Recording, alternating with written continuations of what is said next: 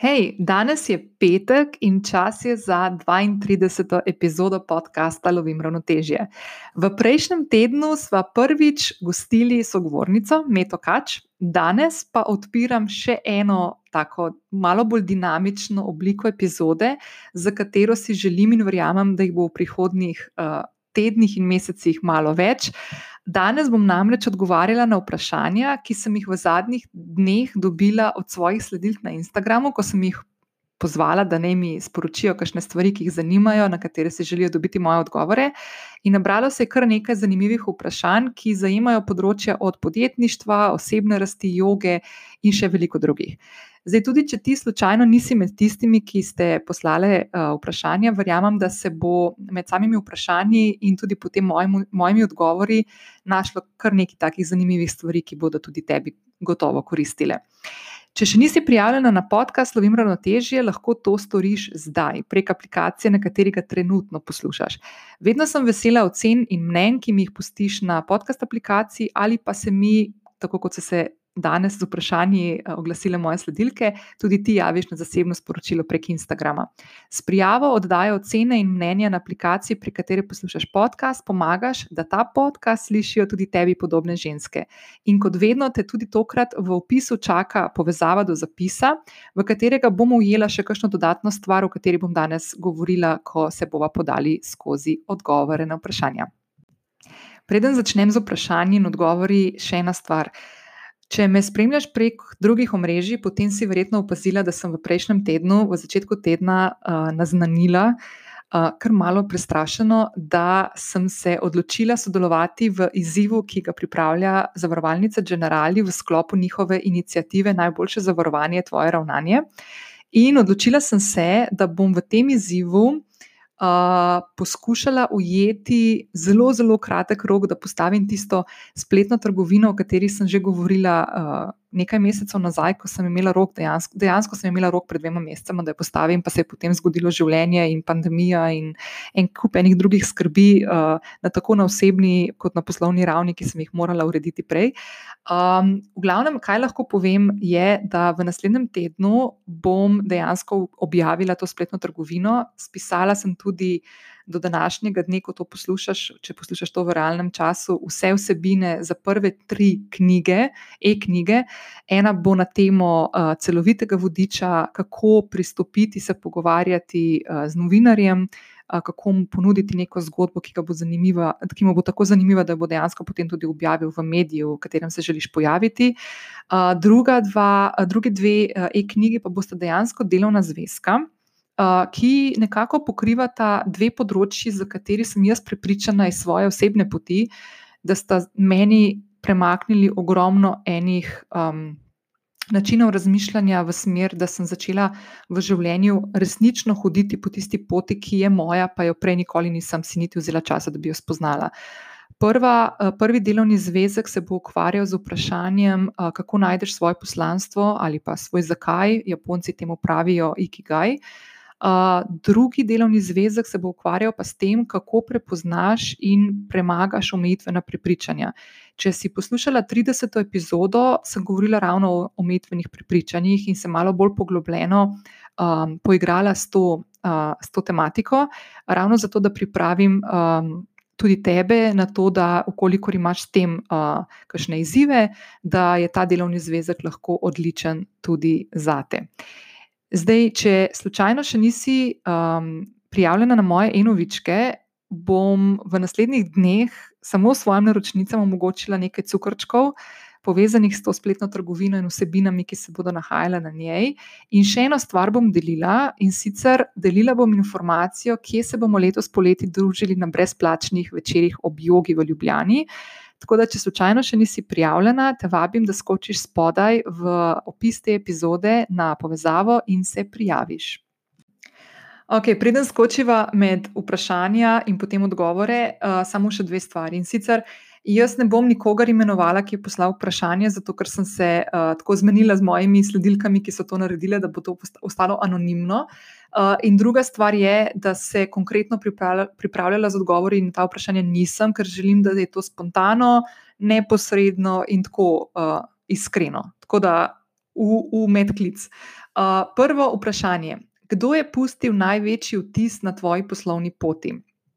Um, ja, zdaj tako ne. Um, mogoče jaz vedno to povem na glas, da jaz v svojem življenju sem vedno pogrešala eno stvar in zaradi tega sem imela vedno malo uh, občutek, da, da, da mi nekaj manjka in da mogoče. Um, Moje znanje, ki sem ga pridobivala, predvsem skozi svoje izkušnje, morda ne da ni toliko vredno, ampak da bi bilo full fajn, če bi imela kakšnega mentorja. Jaz sem vedno pogrešala nekoga, na katerega bi se lahko obrnila z, nek, z nekim vprašanjem ali pa šla po nek na svet.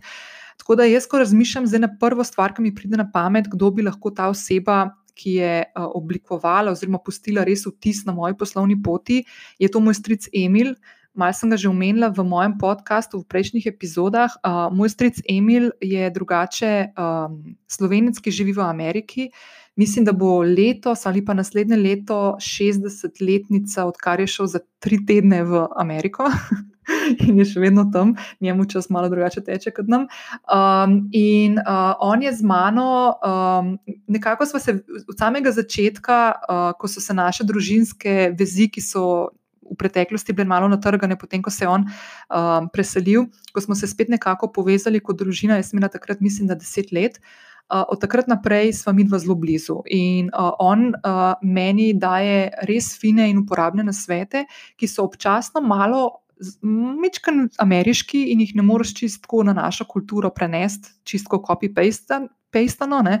ampak nekako sem pri njemu dobila vedno tako zelo uporabne stvari, uh, in na svete, ki so se mi mogoče na začetku, preden nisem tudi sama osvojila te miselnosti, zdeli malo čudni. Naprimer, on vedno reče vsakemu človeku, da the biggest risk is not to take the risk. Um, In, in jaz tega nisem nikoli razumela, se mi zdi tako uh, brezvezna izjava, ne? ampak dejansko sem prišla skozi zadnje leta do tega, da dokler ne stopiš ven iz cone obdobja, dejansko se ne zgodi rast, se ne zgodi napredek, se ne zgodijo neke nove izkušnje, znanja.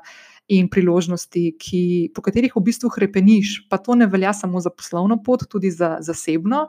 Um, in, in zdaj šele ugotavljam za nazaj, ko mi je on to govoril že 30 let. Ne, Da šele zdaj dejansko zadnja leta te stvari razumem. Tako da moj stric Emil, gotovo, jaz sem z njim imela priložnost 8 let tudi delati na enem projektu in to je bila Slovenija Vodka. Uh, in sem ga lahko tudi od blizu opazovala, njegov, ta njegov žar, ki ga ima. Pa to je gospod, ki bo čez par let star 80 let ne, tako, in je, je tako mladosten, dinamičen. Uh, Nikoli, nikoli, nikdar ne razmišlja o tem, da bi se upokojil, ker rad dela to, kar dela in ga izpopolnjuje in veseli in je srečen zaradi tega. In meni v bistvu je on velik, velik navdih. Um, zdaj, v zadnjem obdobju uh, so pa tudi ljudje, ki mogoče nimajo dolge kilometrine podjetniške poti za seboj, da bi jih gledala, da bi, da, da bi na mene delali vtis s tem, ker imajo naprimer, daljšo podjetniško pot ali pa ker so starejši, bolj izkušeni in tako naprej. Je pa en kup enih ljudi v okolju, ki me obdajajo. Um, in ki se praktično dnevno z njimi slišim, in me v bistvu uh, navdihujejo. Naprimer, ena od teh ljudi je gotovo Meta Kač, s katero sem imela en super pogovor v prejšnji 31. epizodi. Uh, ona je gotovo ena od teh ljudi. Potem je naprimer Maša Mazi, ki je moja uh, prijateljica, ki sem jo spoznala dejansko dve leti in pol nazaj prek Instagrama. In v tem času je ne samo, da je postavila mojo spletno stran, mi pomagala zelo veliko pri postavljanju spletne trgovine, ki bo luč sveta ogledala naslednji teden, mi pomagala, pokazala, kako se oblikuje um, e-knjige. Uh, in skupaj smo sodelovali tudi na enem projektu, na eni naročnici. In, naprimer, Maša je uh, bistveno mlajša od mene, ampak jaz od nje ogromno stvari učim in dejansko pušča tudi ona vtis uh, tudi na moji poslovni poti in na mojem dojemanju stvari, ki se odvijajo. Uh, tako da Maša lahko omenim, uh, potem um, Mojca Marš, naprimer, je še ena taka punca, ki sem jo spoznala prek Twitterja, ene par, malo več let nazaj. uh, ki je takrat tudi službo pustila, pa se je potem začela svojo samostojno podjetniško potjo ukvarjati in je danes ena od večjih strokovnjakin na področju Facebook oglaševanja in ena definitivno oseba, kateri grem jaz po kakšen nasvet, kar se tiče um, uh, online uh, uh, tega poslovanja, kako to delaš, kako pripravljaš vsebine, kako vodiš neko, nekega naročnika, stranko ali pa kupca skozi neke procese, da mu daješ vsebino, po katero, po katero je prišel do tebe in tako naprej. Uh, pa potem je naprimer Stela Korošec, ki je uh, soustanoviteljica Equa in My Goat, uh, Goat Story. Uh, pa potem mogoče Nastja uh, Kramer, ki je lastni, solastnica Malince, naprimer. tudi z njo sem imela priliko sodelovati v letošnjem letu, tudi v času COVID-a in samoizolacije, in so full krasna ekipa in so mi tako noro, noro dobro delajo in so full fine. Uh, tako da, ja, kar nekaj takih ljudi je v okolju. Um, se mi zdi, da tako nas veliko obdajajo različni in zanimivi ljudje, samo oči je treba včasih odpreti in pogledati malo bolj natančno, kdo je vse okrog tebe in se najdejo navdihi in vtisi in uh, taki posamezniki, ki lahko bogatijo uh, tako poslovno pot kot zasebno. Ok, naslednje vprašanje. Kako se odločaš, kaj boš dala v svoje storije in kako veš, kaj bo sledilke zanimalo? Uh, ful dobro vprašanje. Jaz v bistvu sem mal pristašica tega, da tukaj križam dve stvari. Ne? Ena je, da govorimo o stvarih, za katere verjamem, da imam kaj zapovedati. In druga stvar je, da s tem, ko govorim o stvarih, za katere mislim, da imam kaj pametnega zapovedati, tudi privabljam ljudi in sledilke, ki take vsebine iščejo. Uh, to se malo dotika tega, uh, kaj je tvoj zakaj, kaj je tvoje poslanstvo. Um, tole je tudi naslednje vprašanje, bom do tega še prišla, ampak uh, vedno je fino, da stvari izhajajo iz tebe. Se pravi, kaj je tisto, kar um, ti lahko doprineseš nekomu. Uh, in jaz družabna omrežja, uh, naprimer, predvsem Instagram, kjer sem najbolj aktivna, uh, dejansko jemljem kot en tak kanal, lahko, pri katerega lahko komuniciram z mojimi sledilkami in poskušam vsebine vedno pripravljati na način, da jim dam neko dodano vrednost. Uh, To ne zdaj ne pomeni, da jaz v vsak story, ki ga objavim, dam neko hudo znanje ali pa neko, neko, uh, neko misel ali pa spoznanje, do česa sem prišla in bi še komu pomagalo v življenju. Ampak dejansko imam vedno tako en tak, uh, tak čut za odgovornost do tega, da nekdo, ki me spremlja in gre skozi moje storije, ki je še dan jih je lahko tudi malo več. Da, da poskušam svoje misli oblikovati na način, da na koncu bo neka, ta oseba nekaj od tega imela.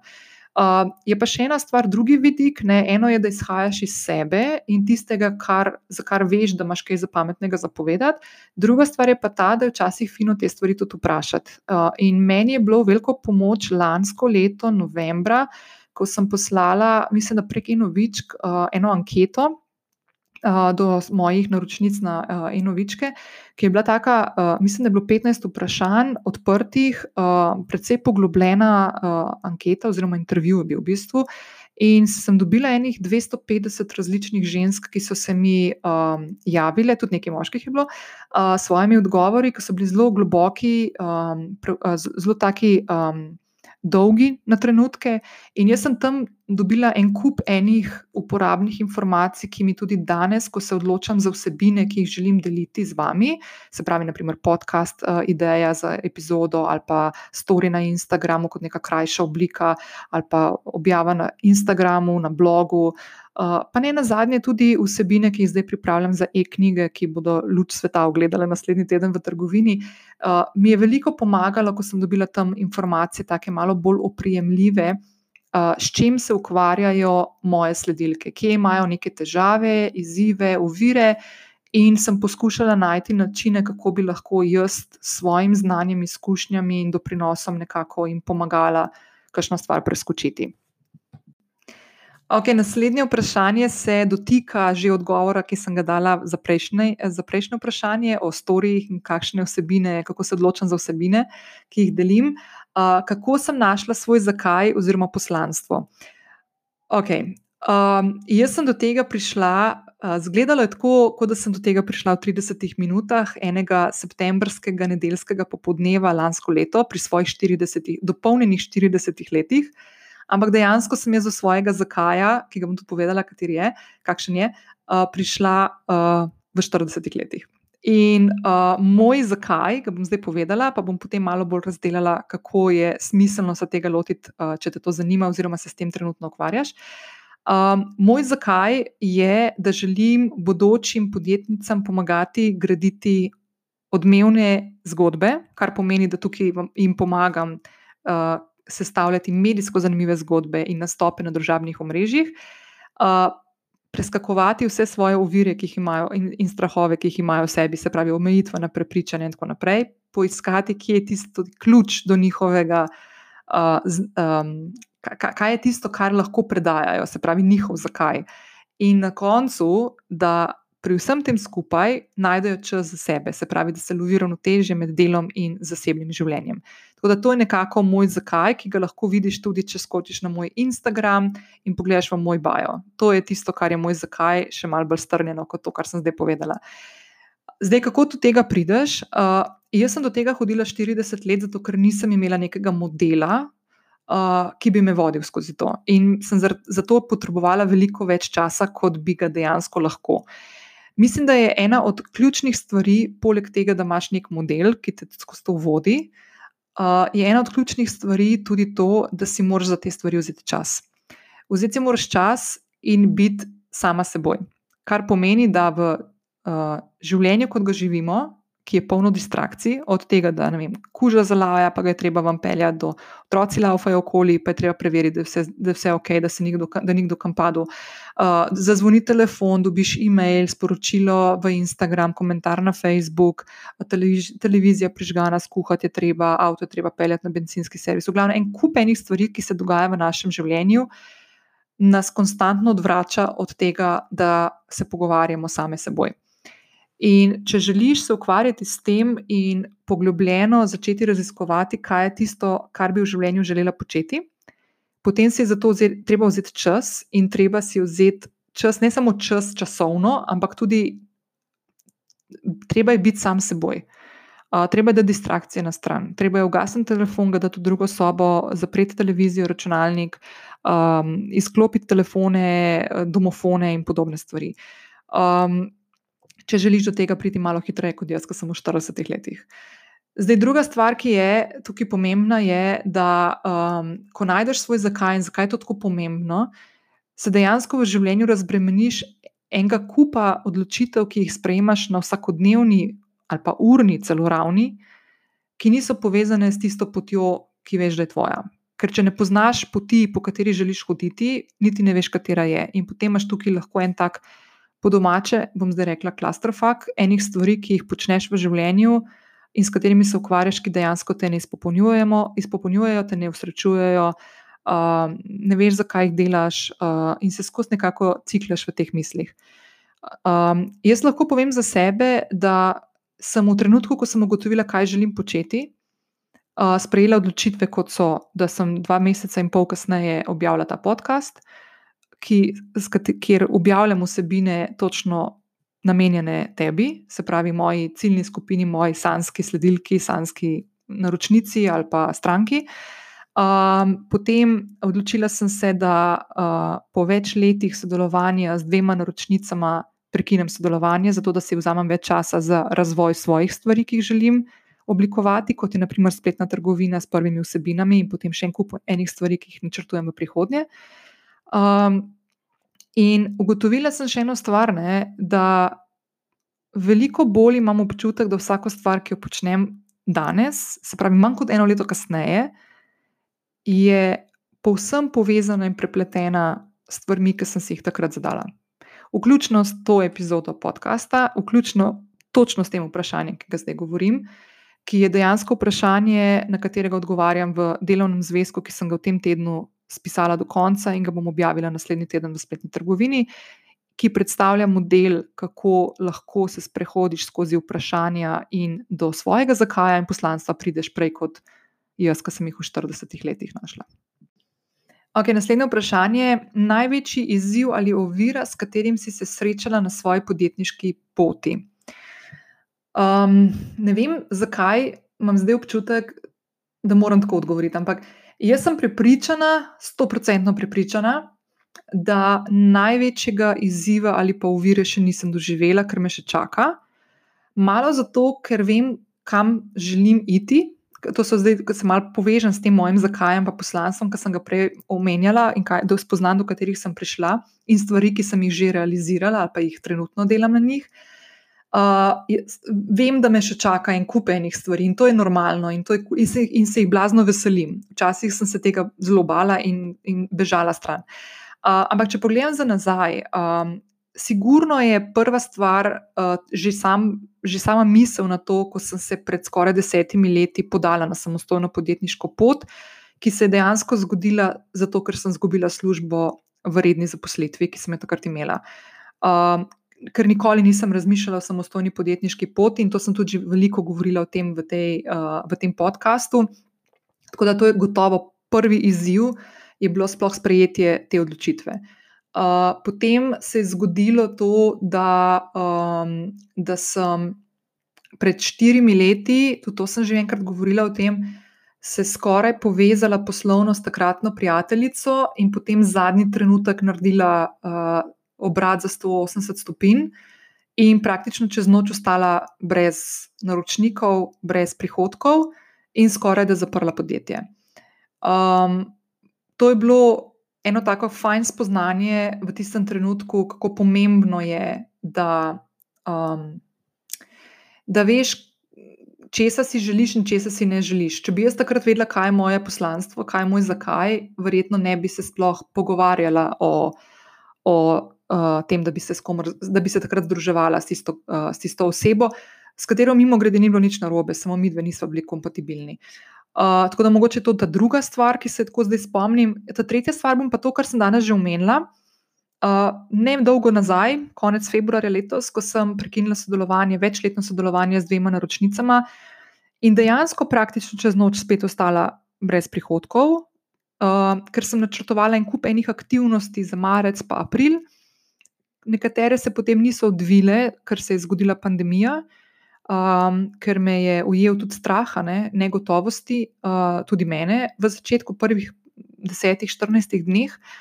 Um, in danes, ko pogledam nazaj, uh, spet znova ugotavljam, da uh, verjetno, verjetno to, da sem tudi te odločitve prešla tako, kot sem jih, in, in ovire ali pa izzive, je posledica tudi to, da ker vem, kam želim in ker vem, kaj je moj zakaj, ker sem globoko, globoko v sebi prepričana, da, da točno vem, kaj lahko nudim temu svetu. Rečemo temu tako, če zdaj malo ezoterično to povem. Sebi tudi veliko bolj zaupam. In ker sebi veliko bolj zaupam, zaupam tudi tej poti, po kateri hodim, ki je polna izzivov in uvir. In zato me danes, ko rečem, kot sem rekla na začetku, da verjamem, da me največji izzivi in uvire še čakajo v življenju, me tega ni strah, ampak se tega veselim. Okay, naslednje vprašanje je, kdaj veš, da je tvoja ideja zrela za na trg? Testirati moraš. Um, testirati moraš, vprašati moraš, um, preveriti moraš pri svojih um, trenutnih strankah ali pa naročnikih, kupcih, um, narediti kakšno raziskavo. Čim več stvari je vedno fino narediti vnaprej. Um, naprimer, če daš ven izdelek, um, pa so podobni izdelki že na trgu, pa si v fazi še oblikovanja. Ne vem, najbolj je fajn en svet, ki sem ga pred časom slišala na enem podkastu v ameriškem, da greš pogledat ocene izdelkov za konkurenčne uh, izdelke. In pogledaš tiste, ki imajo štiri in tri zvezdice. Ne pogledaš v njih, ki so pet zvezdic, ker v njih so itak fulveliki fani, pa ne pogledaš v njih, ki so največji kritiki, pa pogledaš v njih, ki povejo iskreno mnenje o tem, zakaj jim je ta izdelek všeč, oziroma kaj pogrešajo pri tem izdelku, in poskušaš to, ali pa storitvi, in posluš, poskušaš to nekako peljati potem uh, v, svoj, v razvoj svojega izdelka ali storitve, ne? ali pa ideje. Um, vedno je fino, čim bolj se pripraviti, sem pa pristašica tudi uh, koncepta, ki mi je bil do še nedolgo nazaj blazno tuj. In to je, da moraš vedno začeti, preden si pripravljena. Zato, ker če smo čisto iskreni, nikoli nisi čisto prav pripravljena, čisto do konca pripravljena. Jaz lahko povem zdaj, ko me, naprimer, ne vem, tri, štiri dni lo, loči od tega, da bom dala ven spletno trgovino. Jaz, jaz sem ful živčna. Ful sem živčna, zato je to neka čist nova stvar.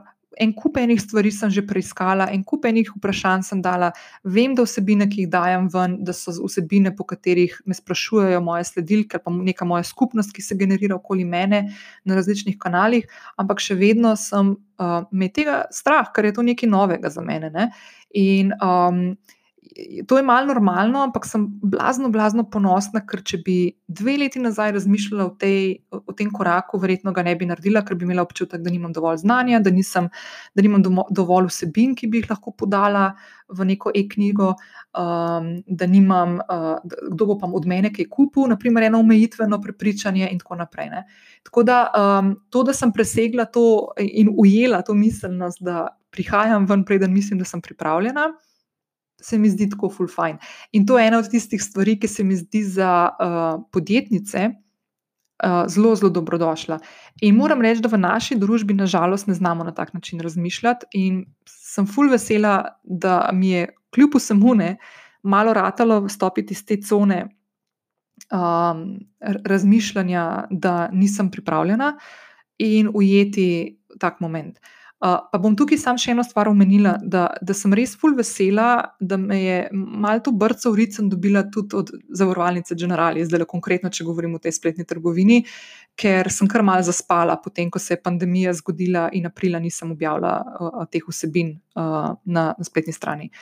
Uh, in sem ful hvaležna, da sem tukaj imela še neko zunanjo motivacijo, ki me je dejansko potisnila čez ta, čez ta rob. Uh, pripravljenosti oziroma nepripravljenosti. Tako da sem full vesela in sem danes gotovo pripravljena najboljše, kot sem lahko v tem trenutku. Tako da, evo, definitivno testiranje, čim več raziskav, čim več vprašanj, vprašaj svojo skupnost, uh, vprašaj ljudi, ki jim je tvoja ideja oziroma izdelek storitev namenjen, kaj si želijo.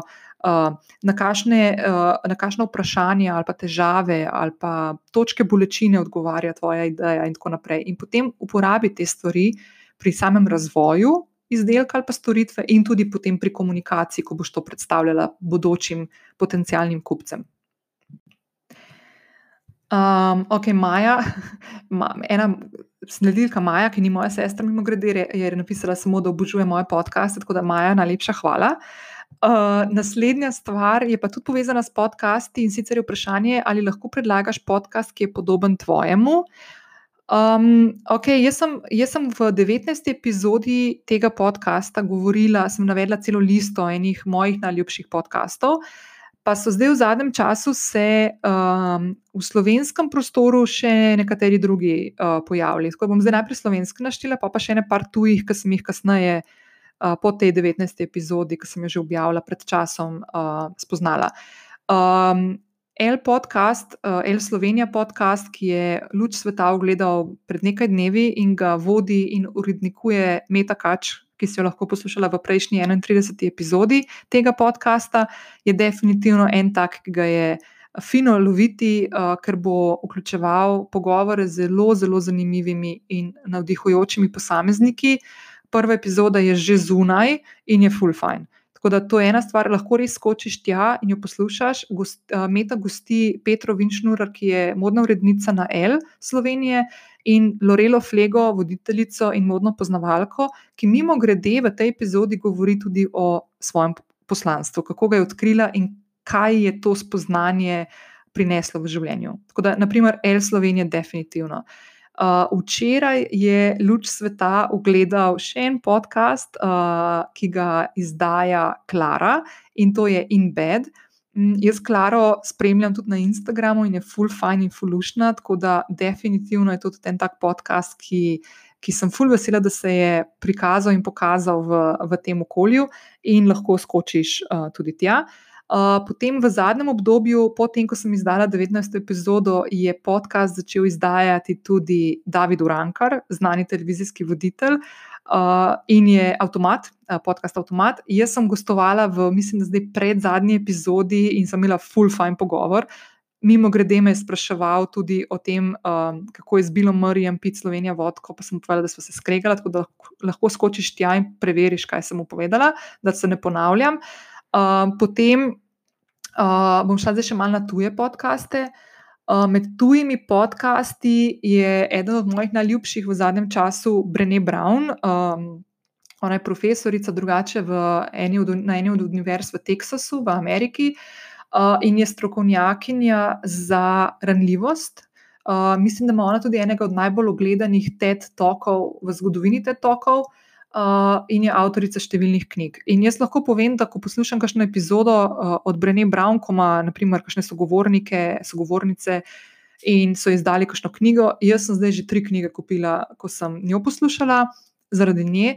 Ena je bila uh, knjiga Untamed, ki sem jo že objavila, da jo mora prebrati vsaka ženska. Skočiš lahko tudi na moj Instagram, pa pogledaš na feedu, sem objavila fotko. Uh, to je od Glennon uh, Doyle knjiga, full dobra za vsako žensko, res vsaka ženska bi mogla prebrati. Če to moški posluša, kupi svoje mami, svoje sestri, svoje punci, uh, sosedi, uh, poštarci, res knjiga za vsako žensko. Uh, Uh, potem, kupila sem zdaj, le sem dobila, mislim, da dva dni nazaj, knjigo, uh, autobiografijo Ališe Kis, ker sem jo poslušala na podkastu Brené Brown in me je totalno navdušila, da res je krasna ženska in ko mi čakam, da preberem to knjigo.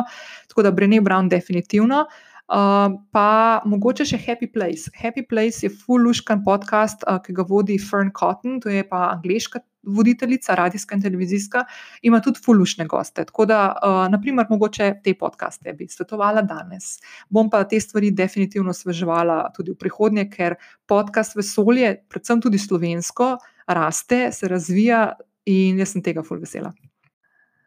Okay, naslednje vprašanje je, kdaj bo yoga poleti? um, okay, uh, mogoče kar še en dan prezgodaj, da odgovorim čisto natančno, ampak bom povedala. Letos joga v Ljubljani bo, mislim, da je zdaj že peto leto ali pač. Peto leto, peto poletje zapored, ko bom organizirala v Ljubljani brezplačne joga večere. Letos bo še drugač, drugače in upgradeno, rečemo nadgrajeno, uh, z novo lokacijo.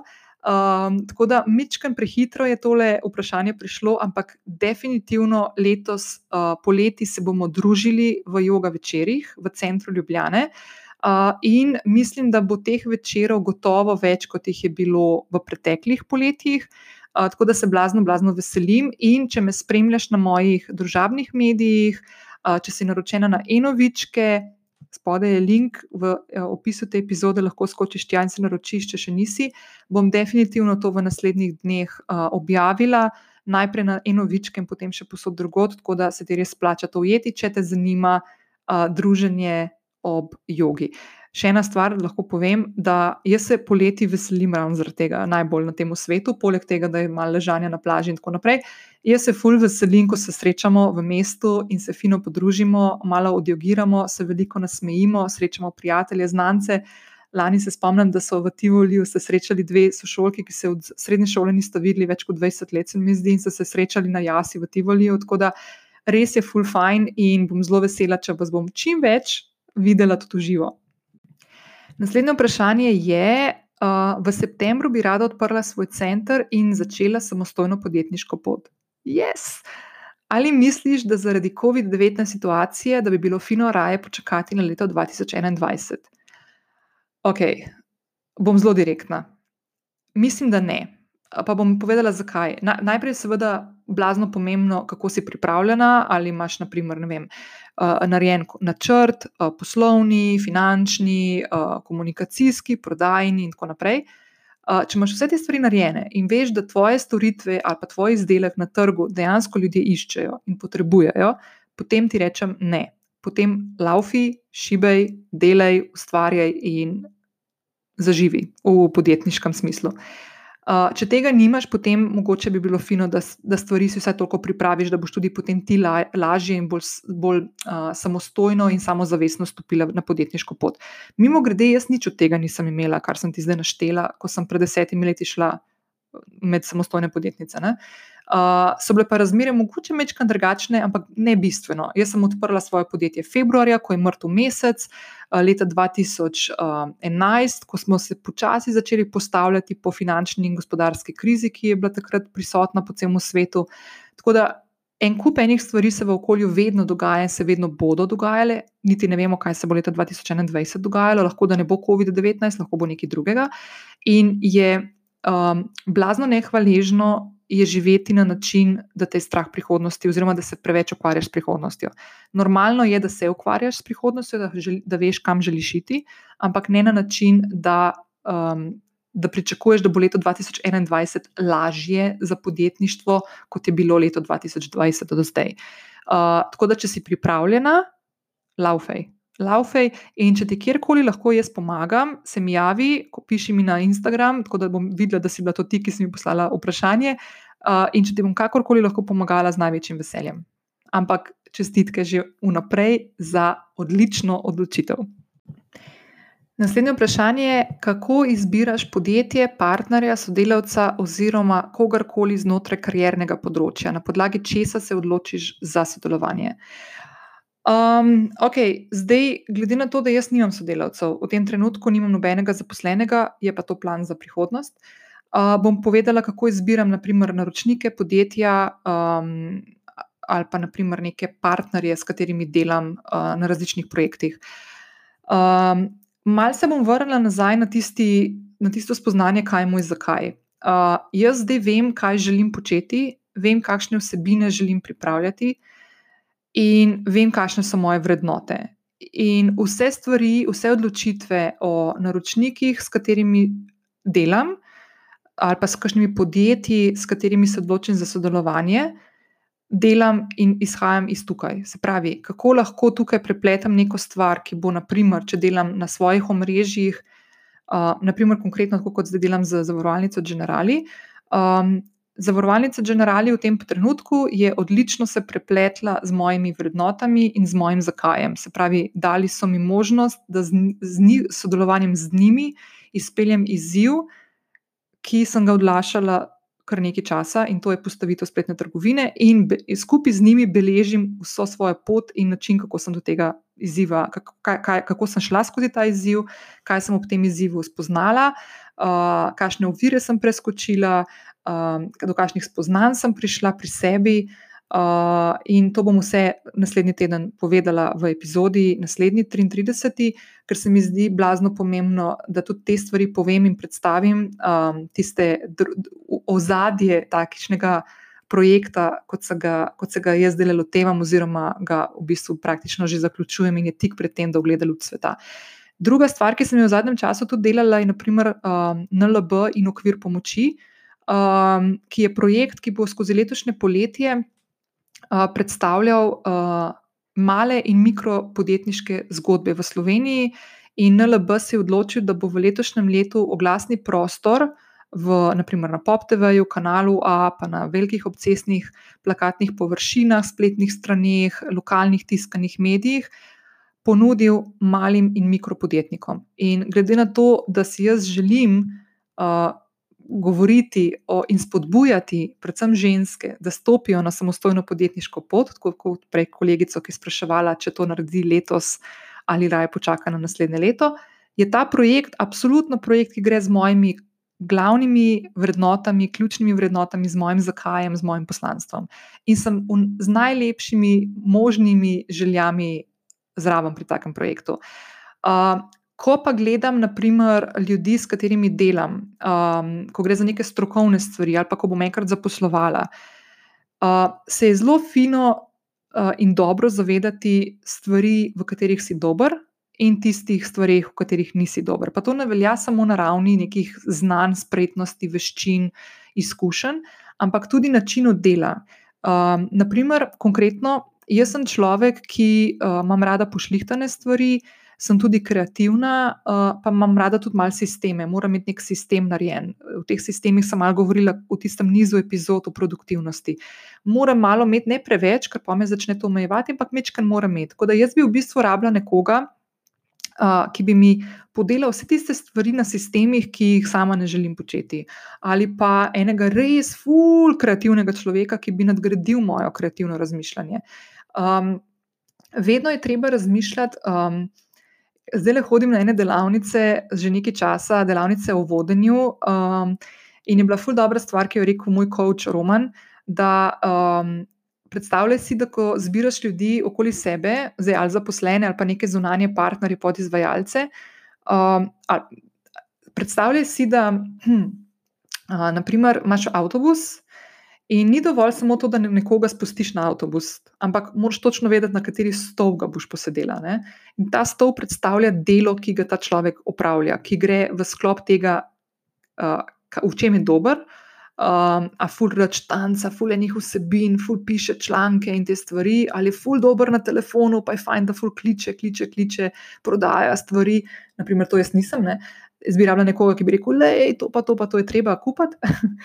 in, um, in se pravi, da se točno zavedaš, na, katera, na kateri sedeš v avtobusu, posadiš nekoga, ker je res v tistih stvarih dober in nadgrajuje in dopolnjuje tebe in tvoje sposobnosti. Tako da jaz, ko gledam te stvari, gledam vedno iz teh dveh vidikov. Se pravi, še enkrat, da ponovim, ko me kontaktira nek naročnik ali pa, uh, ali pa naprimer neko podjetje, ki bi rado sodelovalo z, mani, z mano in, in, in se predstavilo s svojimi projekti na mojih kanalih, vedno gledam to skozi to perspektivo, uh, kako lahko to prepletem s tistimi ključnimi vsebinami, ki jih jaz želim dajati moji, moji skupnosti, ker te stvari od mene pričakujejo. In če gledam ljudi, s katerimi delam, se pravi, vem, da najamem za vodenje družabnih omrežij ali pa za postavitev spletne strani, so to ljudje, ki so absolutno najboljši v tem, kar počnejo in dopolnjujejo vse tiste stvari, ki jih jaz ne znam. In um, se mi zdi, da to je tako zmagovalna kombinacija. Jaz imam še kar nekaj vprašanj, ampak bom zdaj dala zadnjega, zadnje vprašanje in bom v eni od naslednjih epizod odgovorila še na vse ostale, ker drugače bo tole res čist predolgo. Uh, zadnje vprašanje se spet malo dotika joge in sicer, kako poteka certifikat za učiteljico joge, koliko izkušenj rabiš, koliko časa traja in koliko stane. Uh, Um, ok, jaz sem delala izpit in pridobivanje certifikata za mednarodno učiteljico joge v Ljubljani pred štirimi leti. Uh, moje izobraževanje je trajalo štiri mesece, ker sem izre, eh, vzela tistega najkrajšega, takrat, ki je bilo na voljo. In to je izgledalo nekako tako, da sem vsak drugi vikend, celo soboto in celo nedeljo preživela v yoga studiu, kjer smo se učili. Um, zgodovino joge, anatomijo, uh, en kup enih stvari, ki so vključene v jogo.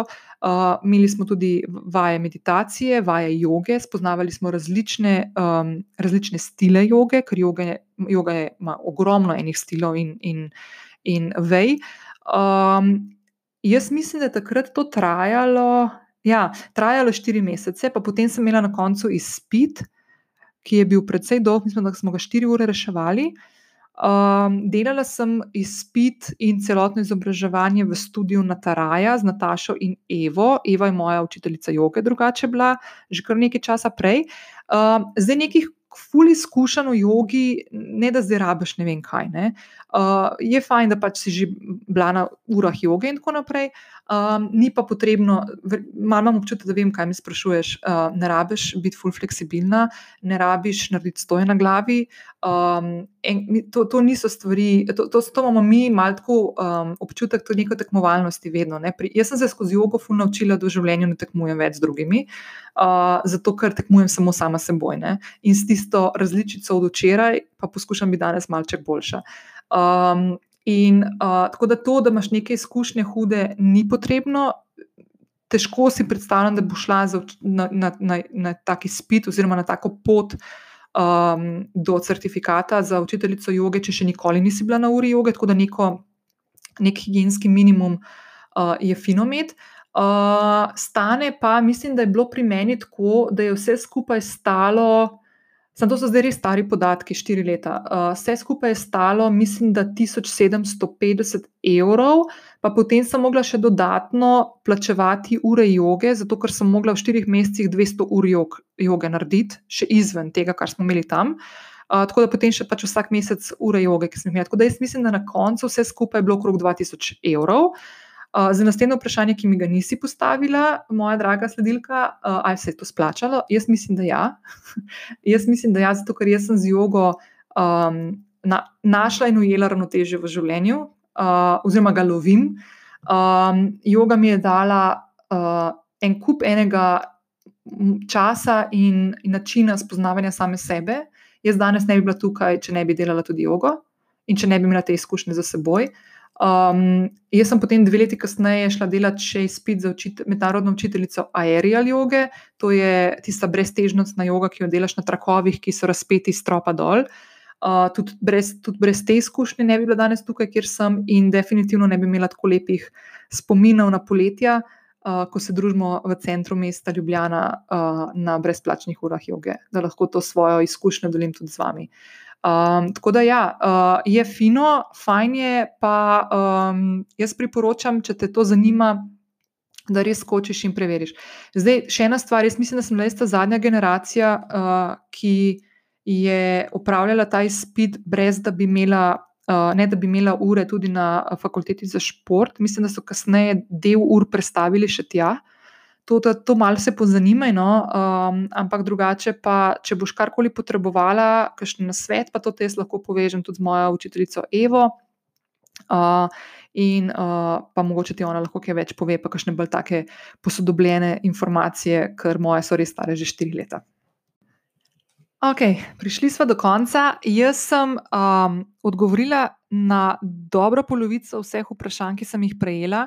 Če si mi poslala vprašanje in na dan danes nisem odgovorila, ne mi prosim zameriti, ampak gotovo bom to uh, objavila v eni od prihajajočih epizod z največjim veseljem. Um, naslednji teden bom objavila epizodo, v kateri bom se sprehodila skozi to izkušnjo, ki jo zdaj imam s postavitvijo spletne trgovine in priprave vsebin. Uh, uh, ker se mi zdi blazno pomembno, da tudi to delim z vami, ker sem prišla tudi sama pri sebi do določenih spoznanj, ki mi bodo v prihodnje pomagale premagovati še nove podjetniške in osebne izzive in ovire. Pa kakšna omejujoča prepričanja, ki, mimo grede, jih imam tudi jaz. Včasih me tako vprašate, kako sem prišla do tega, da sem vse to premagala. Nisem, uh, ogromno stvari sem premagala, ogromno enih strahov sem pustila za seboj, uh, ogromno ene negotovosti. Um, in, ampak je to nekako tak tek na dolge proge. Uh, mam, so se pojavijo druga, uh, drugi strahovi, se pojavijo druge skrbi, druge uvire. Uh, to je del življenja, to nekako se navezuje na tisto, kar sem danes uh, odgovorila, uh, kateri so največji izzivi, pa uvire na moji podjetniški poti, pa sem rekla, da me verjetno največji še čakajo. Uh, to je del življenja in jaz sem najbolj ponosna na to, da, da lahko danes um, neprestrašeno gledam proti prihodnosti in se je ne bojim, uh, ampak se jo veselim. Uh, druga stvar, ki jo bom tudi omenila, gotovo um, naslednji teden in jo malo bolj razdelala, je pa to, da kar sem povedala tudi zelo nekaj dni nazaj uh, na enem od storij objav, uh, ko sem se javljala med pisanjem in um, oblikovanjem e-knjižic, ki jih pripravljam za tebe. Um, je pa to, da dejansko sem ful ponosna na sebe in jaz tega na glas ne vem. Kolikrat sem rekla v življenju, mogoče na eno roko lahko preštejem, pa vse se je definitivno zgodilo v zadnjem letu ali pa dveh. Se pravi, da sem skoraj 40 let živela v prepričanju, da uh, nisem dovolj dobra, da ne znam stvari dobro narediti, da zakaj bi se pa jaz tega lotila, ker zihar ne bo dobro, in tako naprej. In sem tudi te stvari zdaj le premagovala, in se ful veselim, da ugriznem v, to, v ta nova spoznanja in te odpeljem uh, tudi skozi njih v naslednji. 33. epizodi podcasta. Hvala, da si bila danes z mano. Jaz ti želim en krasen petek in še lepši poletni vikend. Čau, čau!